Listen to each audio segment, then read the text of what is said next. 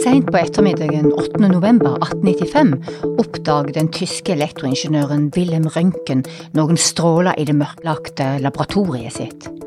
Han finner fort ut at strålen ikke bare går gjennom svart papir, men òg gjennom treplater, bøker og hånden hans. I det mørke laboratoriet kan han se knoklene i en levende hånd.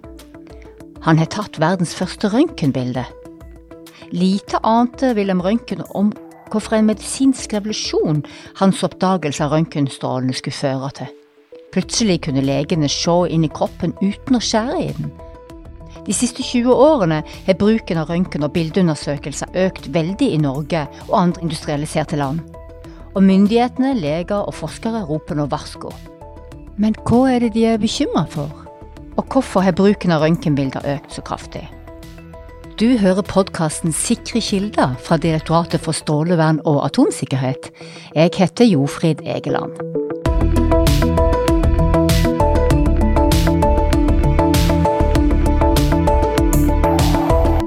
Røntgenstråler er et veldig viktig verktøy innen diagnostisering og behandling av pasienten. Og dagens helsevesen er helt avhengig av dette verktøyet.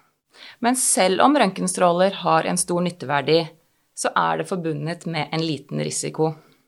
Årsaken til dette er at røntgen- og CT-undersøkelser de bruker det vi kaller ioniserende stråling. Og dette er stråling som kan skade eh, DNA-et i cellen vår, og på sikt kunne føre til kreft. Selv om den risikoen er liten for den enkelte pasient, så ser vi nå i samfunnet at vi har en veldig økning i bruk av billeddiagnostikk, altså røntgen og CT. Og derfor så kan denne lille risikoen få betydning på et eh, befolkningsnivå. Eva Friberg er fagdirektør i Direktoratet for strålevern og atomsikkerhet. Hun jobber med å få ned bruken av unødvendige røntgenundersøkelser her i landet. Siden det er en risiko forbundet med bruk av røntgen, så er det viktig å påse at de undersøkelsene man gjør, er nødvendige. Og i denne sammenheng så definerer vi nødvendighet av at undersøkelsen har betydning for hvordan du videre håndterer eller behandler pasienten din. Og når man først har vurdert undersøkelsen til å være nødvendig, så vil den kliniske nytteverdien alltid stort sett overstige denne lille risikoen for kreft. Men hva er egentlig røntgen, CT og MR? Veldig kort fortalt er røntgen elektromagnetiske stråler som går gjennom kroppen. Når du tar CT, brukes det òg røntgen, men når du tar et MR-bilde, så brukes magnetfelt og radiofrekvente bølger i stedet for røntgenstråler. I en kartlegging vi gjorde i 2008, så ser vi at CT utgjør faktisk hele 80% av den dosen som, fører, som blir gitt til befolkningen fra billeddiagnostikk, mot 60% i den kartleggingen som ble gjort i 2002. Eh, I et europeisk perspektiv og nordisk perspektiv så er det også kartlegginger som viser at Norge ligger høyt i forbruk av CT, og dette har skapt bekymring hos norske myndigheter. Professor Bjørn Hoffmann ved NTNU har gått gjennom internasjonale studier om bruk av bildeundersøkelser. Det han fant, er ikke bare hyggelig lesning. Kunnskapsoppsummeringen viser eh, at eh, totalt sett mellom 20 og 50% av alle røntgenundersøkelser har lav verdi. Og det vil si at de ikke fører til endret oppfølging av eh, pasienter eller fører til bedre helse. Noen eksempler på det kan være CT f.eks. ved rutine- og kontrollbilder etter lette hodeskader. Der viser undersøkelsene at det ligger mellom 98 og 100 faktisk eh, undersøkelser som ikke fører til endret eh, oppfølging av pasientene. Og så har vi andre eksempler, sånn som bentetthetsmålinger, det som ofte kalles for DEXA. Eh, der gjøres det for ofte kontroller. Selve undersøkelsene kan være nyttige, men for ofte kontroller gir ingen endret oppfølging av pasientene.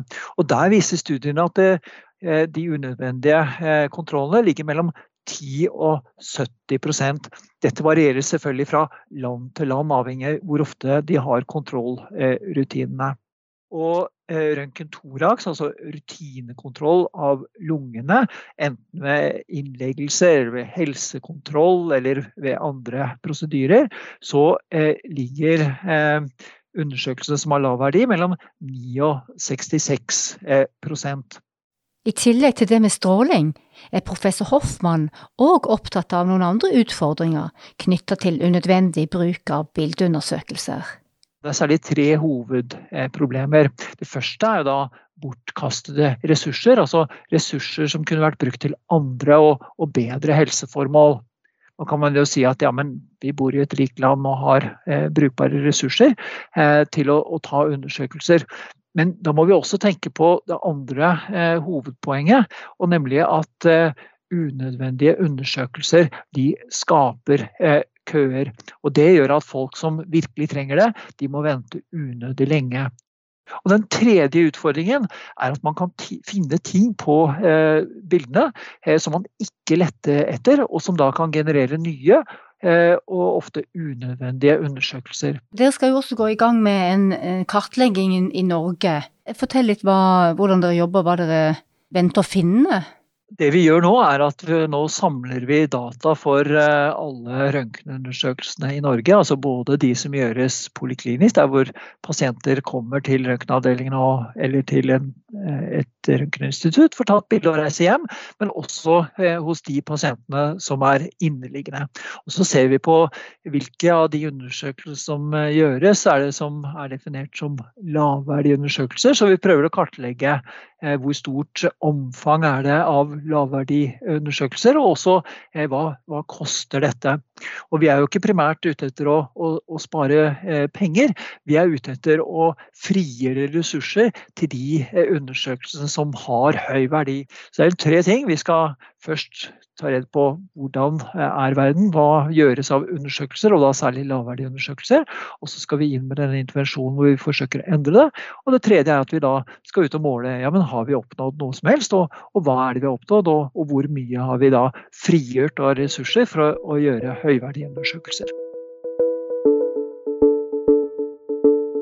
Barnelege Kjetil Stordal i Legeforeningen ser at det er et overforbruk av bildeundersøkelser som pasienten ikke har nytte av, og som kanskje også kan være skadelig.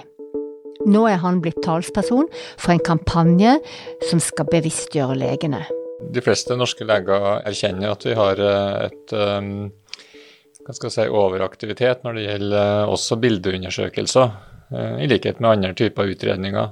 Eh, at vi ser at det er en medisinsk overaktivitet, og som eh, vi er nødt til å ta tak i for å prøve å snu den trenden. Fortell litt om hvordan dere jobber for å få ned strålebruken.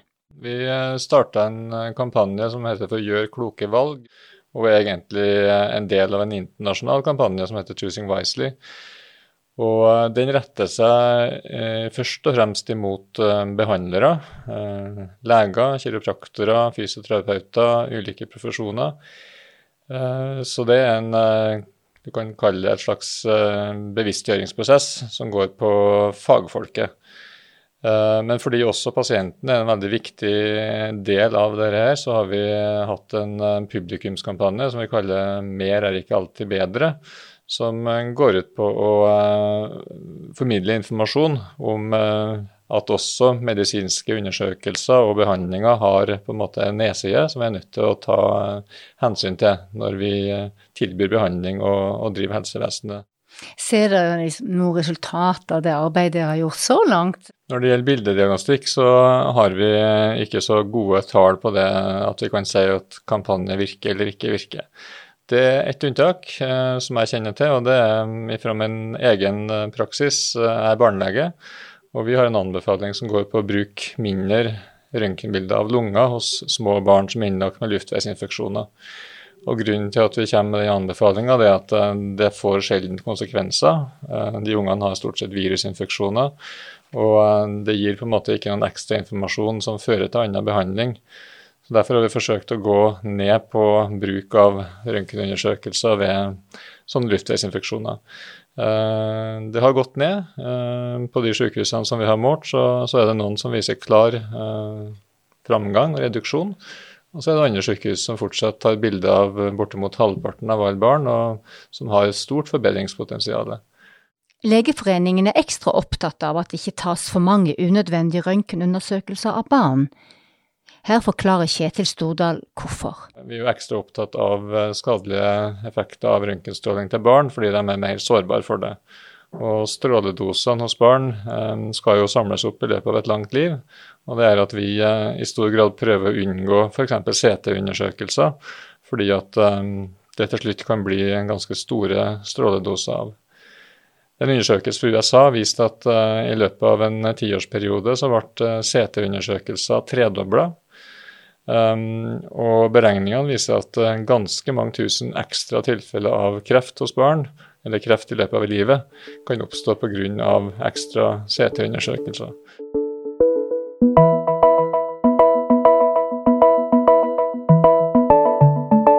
Wilhelm Røntgen oppdaget røntgenstrålene, har vi hatt en omfattende teknologisk utvikling innen bildediagnostikk.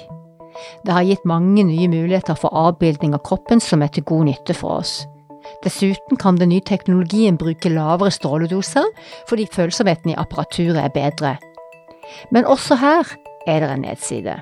Den nye teknologien som du var inne på, den har jo også mulighet for å gjennomføre avanserte undersøkelser. Og disse avanserte undersøkelsene de kan gi ganske høye stråledoser. Og vi ser jo også en enorm utvikling når det gjelder dette vi kaller for røntgenveiledede operasjoner. Eh, da kan man gjøre veldig avanserte inngrep i pasienten uten åpenkirurgi. Og dette gjøres jo ved at man bruker røntgenstråling til å se inn i kroppen mens man fører apparatur inn gjennom et gjerne lite stikk eller snitt i, i lysken. Og eksempler på dette er f.eks. behandling av tette blodårer, utskiftning av hjerteklaffer og avanserte nevrokirurgiske inngrep i, i hjernen. Og disse undersøkelsene eller behandlingene de krever ofte mye dose, og man kan faktisk få akutte stråleskader på huden. Men denne risikoen den er stort sett akseptabel, siden den totale risikoen er lavere enn ved åpen kirurgi, og dette er også primært livreddende inngrep som gjøres. Men det er viktig når man gjør disse inngrepene at man har god arbeidsteknikk, sånn at man reduserer stråledosen mest mulig. Så hvordan har vi havna i denne situasjonen med overbehandling og bruk av bildediagnostikk som sender friske mennesker inn i helsekøene? Jeg tenker at Grunnen til at vi har eh, havna i en situasjon med overdiagnostikk generelt, det er jo at vi har uh, muligheter for det.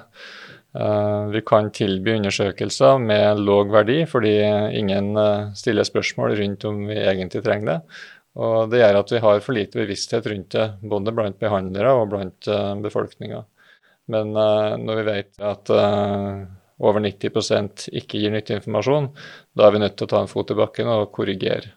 Du er også opptatt av det som en del kaller for helseangst. Jeg tenker at befolkninga har, i hvert fall en del, har en ganske stor eh, bekymring for helse. Vi sprer mye informasjon, og til dels informasjon som er egnet til å bli eh, engstelig. Og eh, da kan svaret lett bli at da gjør vi enda mer undersøkelser for å redusere angsten. Og så fungerer det veldig dårlig. fordi vi finner jo ting når vi undersøker som ikke betyr noe som helst. Sånn at uh, ekstra undersøkelser driver overbehandling også. Mange leger i Norge vet godt sjøl at de driver med overdiagnostikk av pasientene sine. Bare hør hva Kjetil Stordal i Legeforeningen sier om det. I forkant av eh, kampanjen Gjør klokkevalg så spurte vi norske leger hva er altså Først av alt så spurte vi driver du sjøl med overbehandling og overdiagnostikk, og seks av ti leger sa ja på det. Og Det er jo seg sjøl ganske tankevekkende, så at det er en såpass stor bevissthet rundt at det er faktisk en del vi holder på med. Og Så spurte vi hva er grunnen til det, og det som scorer høyest i alle svar, det er forventninger fra pasient og, og fra familie. Og det er ting vi må ta på alvor. Jeg tenker at eh, det å ta en samtale, en forventningsavklaring på hva er det egentlig vi ønsker oss, eh, er vel investert tid. Eh, fordi da kan vi faktisk få avklart en god del unødvendig bekymring, som i hvert fall ikke skal avklares med CT-undersøkelser eller en ny billeddiagnostikk, men heller en, en, samtale om hva er det egentlig man er ute etter og, og bekymra for. For det er lett å tro at en ekstra undersøkelse kan endelig gjøre meg trygg, men sånn er det jo ikke. på engelsk så sier man ofte 'you scan because you can'. Eh, og, det er nok eh, dessverre litt ofte sant. Altså, det er så lett å få tatt en undersøkelse. Det går så raskt og virker så kraftfullt, altså. Og, og det knytter seg an til at vi har eh, noen forestillinger i samfunnet, men sikkert også blant eh, helsepersonell, at vi tenker at ja, det er jo bedre å se enn ikke å se, og at det er bedre å vite enn ikke å vite. Eh, og ofte er det jo selvfølgelig sånn, men ikke alltid. Noen ganger så er det bedre ikke å vite. Professor Bjørn Hoffmann ved NTNU har også studert noen andre mekanismer som gjør seg gjeldende for bruken vår av bildeundersøkelser. Og når vi er opptatt av hva skal jeg si, Eh, faghelsepersonells eh, så er det også noen andre litt sånn snodige mekanismer som vi har studert, eh, som gjør seg gjeldende. F.eks. så har man mer redd for å overse enn å overdrive. Og Det er litt snodig. Det kan man kalle for, for, for uh, aversjonsasymmetri på fint. Altså, uh, det er liksom veldig skummelt å overse noe, mens det å overdrive og overdiagnostisere overbehandling er uh, ikke så farlig. Og så har vi en sånn litt snodig teknologisk tankegang. Vi tenker at ja, MR er mer avansert og mye bedre enn CT. Og CT er bedre enn vanlig røntgen, og, og røntgen er bedre enn ultralyd. og det er klart at noen ganger så kan det være det, men andre ganger så kan det være motsatt. Og en klinisk, en god klinisk undersøkelse er virkelig eh, gull verdt. Så vi må ikke slutte å, å, tro på det at når legen eh, gjør en helt vanlig undersøkelse, så er det veldig ofte veldig, veldig bra. Altså. En annen ting er jo dette som er pasienten. De er ganske opplyste om dagen. Det er mye informasjon tilgjengelig på internett, og de kommer ofte til eh, legen med et stort ønske om å få gjort en billeddiagnostisk undersøkelse for å få en bekreftelse på en tilstand eller en forsikring på at man er frisk. Eva Friberg i Direktoratet for strålevern og atomsikkerhet peker også på en annen grunn til at det blir stadig mer bruk av bildediagnostikk. Og et annet problem vi ser kanskje ikke så mye av i Norge, men i hvert fall i utlandet som Tyskland og USA, det er jo dette ønsket om å ha en, en jevnlig EU-kontroll på kroppen sin. Eh, hvor man rett og slett kjøper seg en, en helkropps CT-undersøkelse for å se og få en forsikring på at man er eh, frisk. Og i USA så er det jo satt opp mobile CT-skannere utenfor, eh, utenfor, kirken, sånn at man kan ta seg et skann når man kommer ut av kirken for å se at man er frisk. Og en veldig vanlig gave til bestefar kan jo være et gavekort på en helkroppsskanning på CT. Eh, dette har vi slått ned på i Norge, så ikke det får lov til å blomstre opp. fordi i Norge så har vi et regelverk som krever at du faktisk må gjøre denne vurderingen av risiko og nytte i form av at du skal henvise pasienten til en undersøkelse. Og i den henvisningen så sikrer du at den er nødvendig. Så i Norge så har du ikke lov til å bare gå og kjøpe en sånn EU-kontroll på et røntgeninstitutt. Med så høy aktivitet innen bildeundersøkelser som det er i Norge, hvordan holder myndighetene oversikt? Direktoratet for strålevern og atomsikkerhet vi har jo hatt en lang tradisjon med å kartlegge både omfang og stråledosene forbundet med billeddiagnostikk. Eh, utfordringen har vært at dette har vært eh, basert på manuell rapportering, som er svært tidkrevende.